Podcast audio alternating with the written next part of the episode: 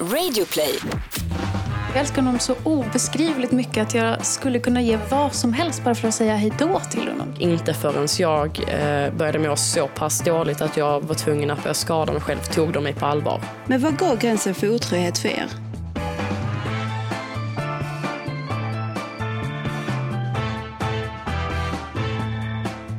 Allihopa! Du lyssnar på avsnitt nummer 22 av podden Honey in the Bees. Egentligen så skulle jag ha med mig två tjejer idag, men den ena har precis fått en influensa.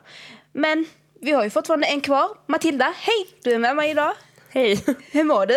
Jag mår bra. Du ser lite nervös ut. Jag Vad händer? Vi sitter här på golvet i mitt sovrum eh, för, att det, för att det inte ska eka och jag hoppas att du känner dig bekväm och hemma. Ja.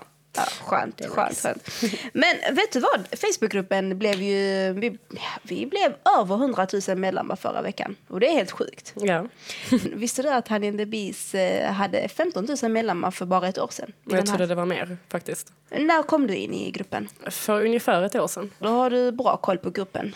Har Ja. du sett vad som har hänt eh, under senaste veckan? Vad ska vi prata om? Eh, ja, det snackas ju en hel del om psykisk ohälsa i gruppen så det är väl det vi ska prata om idag i podden. Ja, och vet du vad? Vi ska faktiskt också prata om en tjej som eh, dejtar en kille men som har råkat, råkat pussa hennes killkompis. Aj, aj, aj. Farligt. Men jag har inte ens sett dig i gruppen och du har ändå funnits i ett år. Vem är du, Matilda? Eh, jag är 19 år gammal och går eh, sista året på gymnasiet, eller sista terminen. Eh, och jag är sån sneaky bitch som bara sitter och kollar på alla andras drama i gruppen. I gruppen. Men du, jag har också läst lite om att du började liksom må psykiskt dåligt redan när du var 14 år. Ja. Eh, hur är det egentligen att vara psykiskt dåligt? Alltså att må psykiskt dåligt? Eh, Det är väldigt individuellt för varje person. Men för mig så var det som att jag eh, gick runt i en värld som var typ svartvit. Och jag träffade människor och mina nära och mina anhöriga eh, såg mig och pratade med dem. Men jag kände mig ändå väldigt ensam. Som att inte de såg mig. Eh, och som att jag typ befann mig under vattenytan och försökte ta mig upp hela tiden. Men det gick inte riktigt. Men eh, Matilda, du kan ju berätta mer om detta lite senare i avsnittet. Vi kanske kan berätta om vem som är gäst idag. Ja. Med oss idag har vi en gäst som vanligt, Emily. Hej! Hej! Du fyller snart 18, Emily. Det gör jag. Du gillar teater och brinner för djurens rätt. Precis. Och idag ska du berätta om en stark händelse som eh, skedde förra året i april månad. Eh, Eh, ja, precis. När Ja, men- din pojkvän begick självmord. Ja. Ehm, alltså, det var, det var så oväntat men samtidigt så himla väntat. För att den här personen, Andreas hette han då, han, eh, han hade mått dåligt länge. Men ingen förväntade sig att det skulle vara just den dagen som det blev. Han skulle upp till mig den dagen. Skulle han komma då från Skåne till dig eh, till Norrköping? Ja, precis. Och eh, sen, eh, vi pratade i telefon precis innan jag skulle börja min idrottslektion så jag behövde gå. Och han skulle precis skriva på tåget. Och, och sen när jag stod och väntade på honom på tågstationen så kom tåget men ingen Andreas. Så jag står och tittar in i tåget som jag kan liksom genom rutorna och bara, men gud, var är han? Och jag frågar konduktören om de så här kan ropa ut och om de har sett någon, men det har de inte. De har inte sett någon överhuvudtaget. Eh, och då så börjar jag ringa hans bror. För att han, hans bror och Andreas hade väldigt bra kontakt och en helt underbar människa. Och de fick inte tag i honom heller så att eh, det blev att polisen började leta efter honom. Och så fick eh, jag ett samtal ungefär klockan fem på morgonen av... Dagen därpå då? Ja, eller? precis. Dagen därpå så fick jag ett samtal klockan fem på morgonen av eh, Andreas brors fru att Andreas inte fanns mer. Och jag kommer bara ihåg att när jag fick det samtalet, min första reaktion var så här, jaha, ja det var ju synd, ska jag gå och lägga mig igen? För att kroppen hamnar i sånt sjukt chocktillstånd att man, det, man, det gör inte ens ont. Men vad tänkte du på mer än det? Liksom? Alltså förutom att du ville gå, gå och lägga dig? Ingenting. Alltså det var som att alla tankar bara Stannade. stannade. Det var typ, jag kunde typ höra mitt blod flöda genom hela kroppen. Typ så här, mitt hjärta bara stanna och det bara så, jaha. Ja, då går jag och lägger mig igen då. Det här var ju synd, typ. Och sen, sen några minuter senare så kom ju den paniken som så här, satte sig väldigt länge i kroppen. Eh, Eh, men just då så var det som, det var som att någon bara hade sagt vad som helst. Men vad hände detta var ju då fem på morgonen. Vad hände efter att du vaknade upp från liksom, kändes det som en dröm eller? Alltså det var, det var, jag vet inte riktigt hur jag ska förklara. När det händer någonting väldigt dramatiskt så försök gärna verkligen bearbeta för att få bort det här. För att det gör så ont. Så att det blev, jag grät och jag grät och jag grät. Hur gammal var han förra året? Han var 21. Han var 21. Men när började du förstå alltså, att, han inte, alltså, att han inte finns vid liv mer? Alltså ibland är det som att jag fortfarande inte vet. Jag drömmer om honom varje natt fortfarande, även fast det nästan gått ett år. Så kommer jag ihåg att jag drömmer om honom alltså, minst en gång varje natt. Jag tänker så här, men varför har jag inte hört av dig på så länge? Ibland så är det typ så här som att jag tar upp mobilen och tänker nu ska jag smsa Andreas och sen bara, han finns ju inte mer. Känner du dig besviken på Andreas? Nej, gud nej. Han, han höll ut så mycket längre än vad jag någonsin kunde förvänta mig. Jag har en fråga. Jag har pratat med vissa så här, människor som har haft nära anhöriga som har tagit sitt liv och som har beskrivit att de har varit jättearga och jättebesvikna över att eh, den personen som de stått nära har tagit sitt liv och lagt över all smärta eh, som de kände på den som finns kvar Ja. sen efteråt. Har du känt så någon gång? Eller? Alltså jag... Det är inte ilska på honom utan det är ilska och besvikelse mot omvärlden som kunde behandla honom så dåligt att han kände att det här var hans enda alternativ.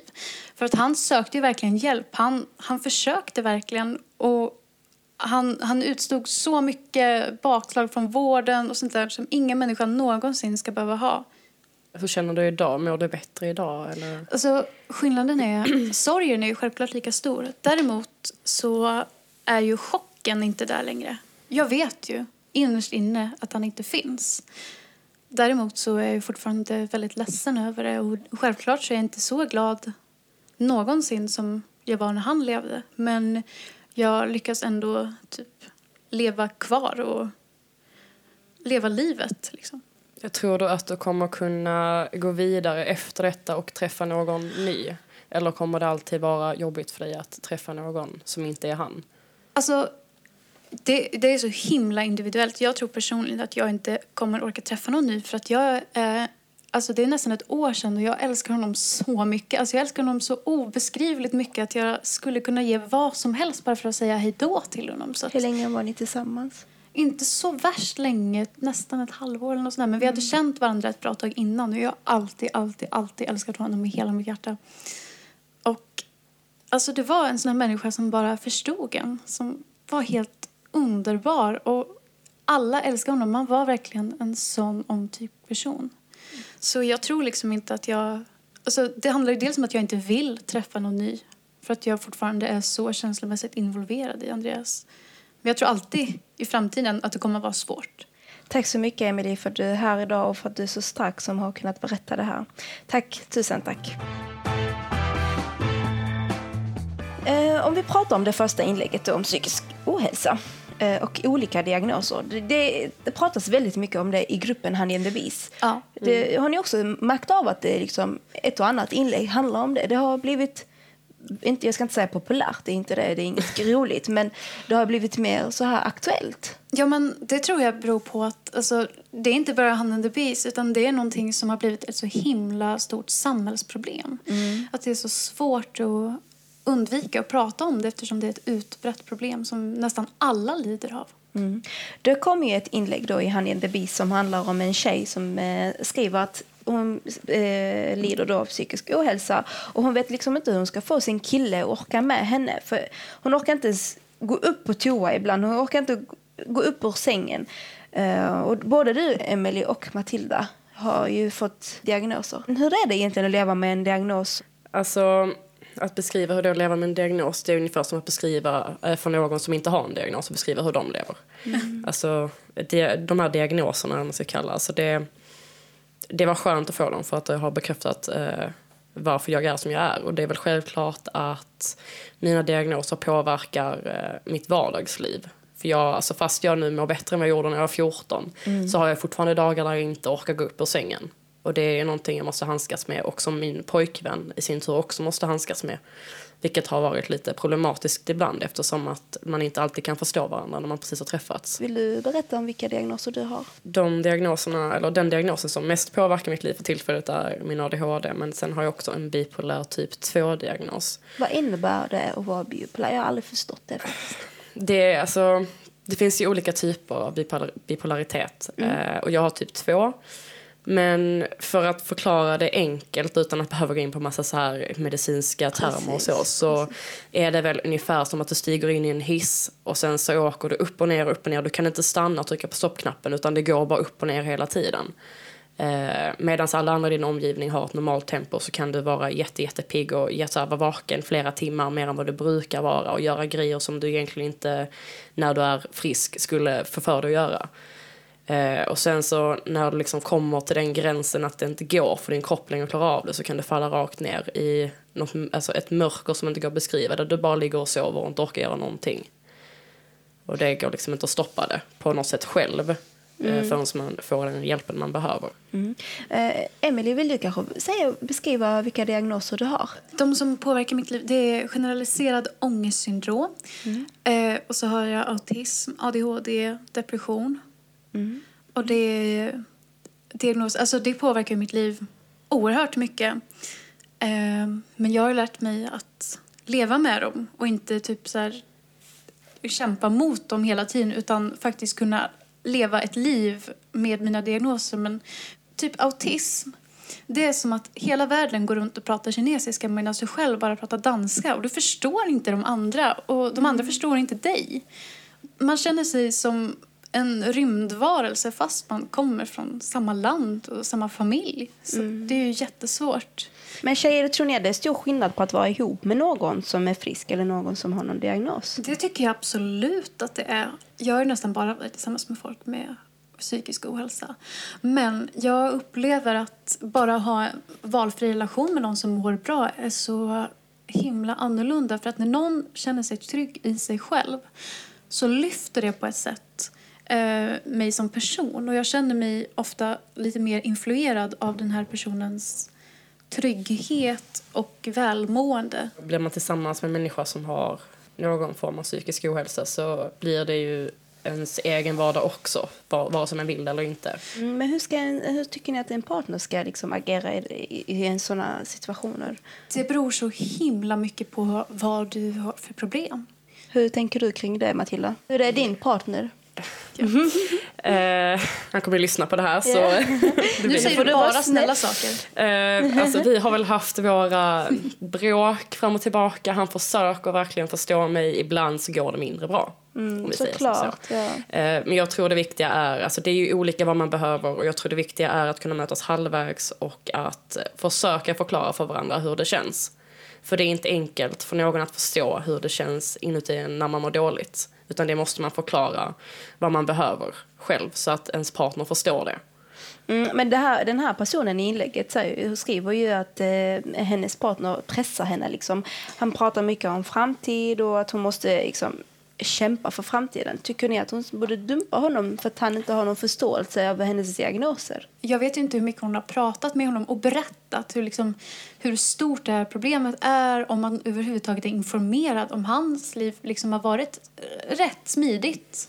Men Och- tror inte ni, förlåt Emily, förlåt, det känns som att jag bara avbröt men tror inte ni att det är väldigt underskattat med, med psykisk ohälsa idag ändå? Det är fortfarande Jo. väldigt eh, tabubelagt. Jag tror inte att... Alltså det är liksom ingenting de lär ut i skolan hur man beter sig mot någon som mår dåligt. Nej. Alltså det borde ju finnas någon liksom form av, jag vet inte, vägledning i hur man ska bete sig omkring någon som kanske inte mår jättebra, men det finns inte. Men jag känner mer att, eh, att, eh, alltså att samhället inte tar på allvar dessa, eh, dessa symptomen. Utan Ja. man bara säger men det är stress. Ja, men alltså, en, en grej som jag har märkt, jag har ju befunnit mig inom den här vårdkretsen väldigt länge och det är att dina, de, vården är så överbelastad för att det har blivit en så himla stor eh, del av befolkningen som mår dåligt. Att de inte riktigt vet vad de ska göra längre. Det blir liksom så här, så länge du inte är precis på väg att ta livet av dig så kommer inte du få någon hjälp. Utan de tar verkligen det värsta. Och sen så struntar de lite i resten. Jag började må dåligt väldigt tidigt. Alltså redan när jag började gå i mellanstadiet så mådde jag väldigt, väldigt dåligt. Och det här blev ett stort problem för mig. Alltså jag, jag kan aldrig uppleva att jag mått jättebra. Men det var då det verkligen bröt ut för mig. Och eh, i den åldern så är det inte vanligt att må dåligt vilket gör att Nej. det finns absolut ingen hjälp och ingen förståelse eller någonting utan man bara sitter där i tystnaden och lider liksom. Det är först när man kommer i typ högstadiet, gymnasiet som det börjar bli lite mindre stigma. Jag gick ju till BUP när jag var jag var 14 tror jag. Och sen så blev jag remitterad vidare. Och inte förrän jag eh, började må så pass dåligt att jag var tvungen att börja skada mig själv tog de mig på allvar. Eh, utan det enda jag fick på mitt samtal det var så här massa mediciner och så bara okej ät det här så kommer det gå bra och så åk hem typ. Men jag upplevde Matilda, typ, för mig var det att det tog jättemånga år innan de tog mig på allvar. Jag kom ju typ upp för att jag skadade mig själv men ändå så tog det massa år innan de ens började bry sig. Och sen när jag fick min diagnos ADHD så, så berättade läkarna att de har misstänkt det här i flera år bara att de inte gjort någonting åt det. Och jag tycker, jag tycker det är så bisarrt. Då, Mm. Men hur skadade du dig, Emily? Ja, men jag skadar mig på alla möjliga sätt som man kan göra. Inte bara fysiskt utan även psykiskt. Jag, jag valde liksom att göra saker som inte gynnar mig utan som gynnar andra bara för att liksom göra illa mig själv. För att jag tyckte så dåligt om mig själv. Men många säger ju idag också att psykisk ohälsa har liksom blivit eller gått till någon överdrift. Att helt plötsligt så har halva samhället det. Vad tycker ni, alltså, vad tycker ni om, om ett sånt uttalande? Eh, Jag tycker att det är otroligt eh, fyllt av okunskap. Kraven bara stiger på ungdomar och ungdomar känner sig pressade. De hinner inte med att göra sina aktiviteter och så vidare så de börjar må sämre och sämre. Visst, det går hand i hand. Men anledningen till att, att det finns ett ökat antal människor som mår dåligt det är inte så att det är överdrivet. Det är för att mer och mer folk söker hjälp och vågar eh, nå ut för att de mår dåligt och inte orkar må dåligt längre. Och för att det blir mindre och mindre tabubelagt. Förhoppningsvis om tio år så behöver vi liksom inte gå omkring och hymla med när man sjukanmäler sig att man eh, mår dåligt, alltså kanske har ångest. Nu är det liksom så här, ringer man ska sjukanmäla sig så är det bara okej, hej jag har eh, ont i magen, jag kan inte komma idag. Mm. Men slutningen, vad har ni för råd till någon som lever liksom med en partner med psykisk ohälsa eller kanske tvärtom till och med? Ja, mitt största råd är ju typ så här, lyssna på din partner för att det finns ingenting bättre än att ha någon som bara lyssnar och försöker hjälpa dig. Och det kan vara typ bara göra någonting litet för en. Kanske att, vi, vi säger att man bor i samma stad. Bara knacka på och ge en kram. Det, sånt kan göra allt. Och bara lyssna, bara finnas och att partnern då ska veta att det är mycket bekräftelse behövs faktiskt. Har jag märkt för min egna del. När jag inte mår bra i mig själv så känner jag ett stort behov av att andra ska tycka om mig. Sen är det nog också väldigt viktigt att inte vara dömande i det man får. Om man frågar en fråga, ja, men hur mår du? Om man då är tillsammans med någon som mår dåligt så måste man vara, man kan inte vara rädd för att höra svaret. Och man kan inte döma eh, för att någon svarar. Alltså för mig är det ju jätteviktigt att eh, min pojkvän till exempel förstår mig när jag inte orkar gå upp eh, en dag och typ laga mat och gå ut för att jag mår dåligt. Då är det jätteviktigt att han finns där och förstår det och kan göra de grejerna jag inte är kapabel till att göra den dagen. Matilda och Emily, nu ska vi prata om någonting helt annat som också har kommit till Facebookgruppen Honey in the Beats. Det är nämligen så här att en tjej skriver att hon och hennes pojkvän har bråkat. Och eh, den här kvällen, när de, efter att de hade bråkat, hade pojkvännen åkt till en eh, gammal kompis eller ex. Eh, någon som han har legat med i alla fall. Och eh, hon blev ju ledsen, flickvännen såklart. Och då fick hon tröst av en annan gemensam killkompis. Och den här killkompisen, genom att han tröstade henne så gav han henne även en puss. Och hon känner väl lite grann, alltså hon känner väl lite skuldkänslor om man säger så. Eller hon vet inte riktigt hur hon ska uppfatta situationen. Om det är otrohet eller om hon ska berätta för pojkvännen. Vad känner ni? Oj, jag har en väldigt, väldigt bestämd åsikt om det där tror jag. Eh, nej men, Berätta, jag Emily. tänker, men jag tänker att om det här nu har hänt så är det väldigt viktigt att berätta. För att det kommer antagligen vara så att hennes pojkvän kommer få reda på det här till slut. Och då är det ju lika, lika bra att vara ärlig innan du behöver vara ärlig än att bli påkommen. Och sen så kanske man borde prata med den här killkompisen om vad han tror om deras relation. Eftersom hon trodde att de var vänner och han antagligen trodde att det kunde bli någonting mer. Alltså jag tycker lite så här att eh, i ett förhållande så är så här, kommunikation och ärlighet det är typ A och O och man ska vara lojala mot varandra.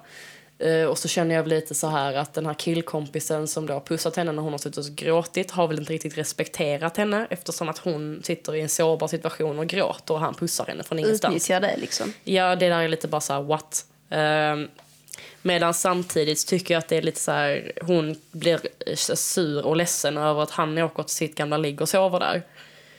Då måste hon ju kunna vara ärlig mot honom och säga vad hon har gjort också. För hon kan inte döma honom om hon själv gör typ samma sak. Mm. Ja, precis. Och sen tror jag att om eh, hon är ärlig så är det väl större chans att hennes kille är ärlig om det faktiskt skulle ha hänt någonting. Så är det ju större chans att hon får reda på det om hon är ärlig om den här saken. Men vad går gränsen för otrohet för er? Om vi börjar med dig Matilda.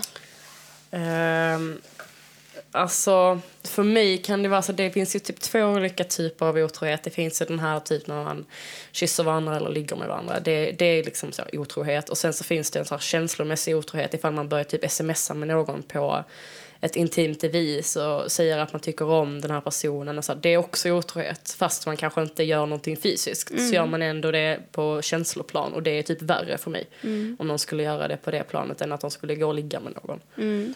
Du då, Emily? Jag tänker att allting som du inte skulle vilja att din partner får reda på känns lite som eh, ungefär ett mått för otrohet där. Mm. Det är frågan om man har en jättesvart sjuk partner. Ja.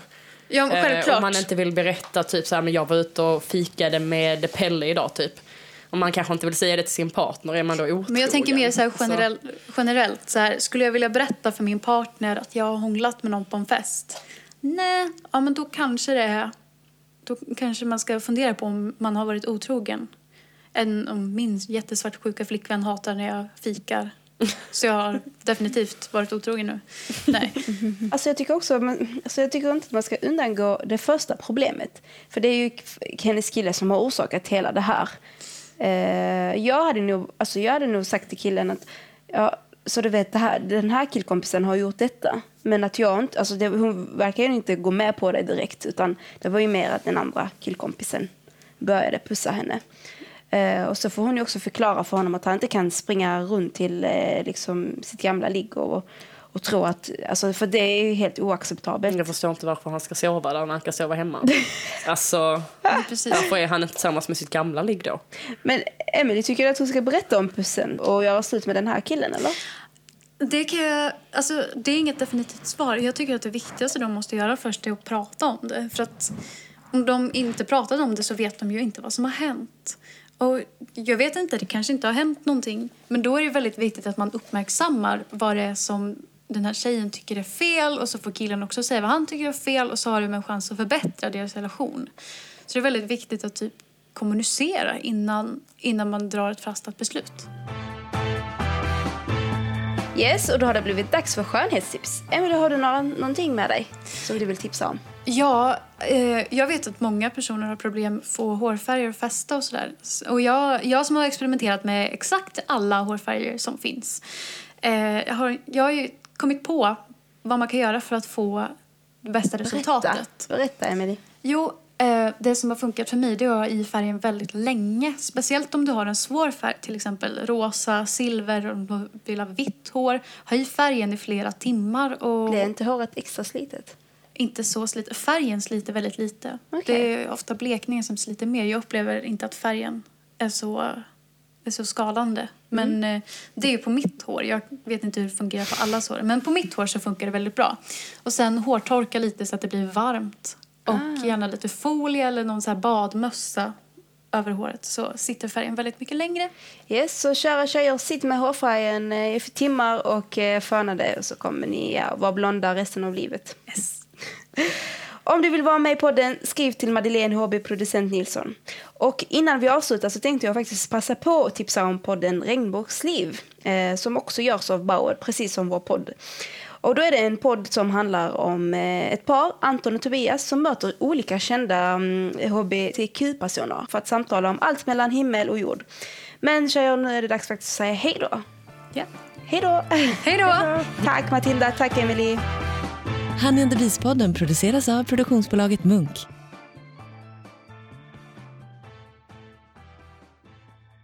you poddtips från Podplay. I podden Något Kaiko garanterar östgötarna Brutti och jag, Davva, dig en stor dos skratt. Där följer jag pladask för köttätandet igen. Man är lite som en jävla vampyr. Man har fått lite blodsmak och då måste man ha mer. Udda spaningar, fängslande anekdoter och en och annan arg rant. Jag måste ha mitt kaffe på morgonen för annars är jag ingen trevlig människa. Då är du ingen trevlig människa, punkt. Något Kaiko, hör du på Podplay. Därför är gardinerna.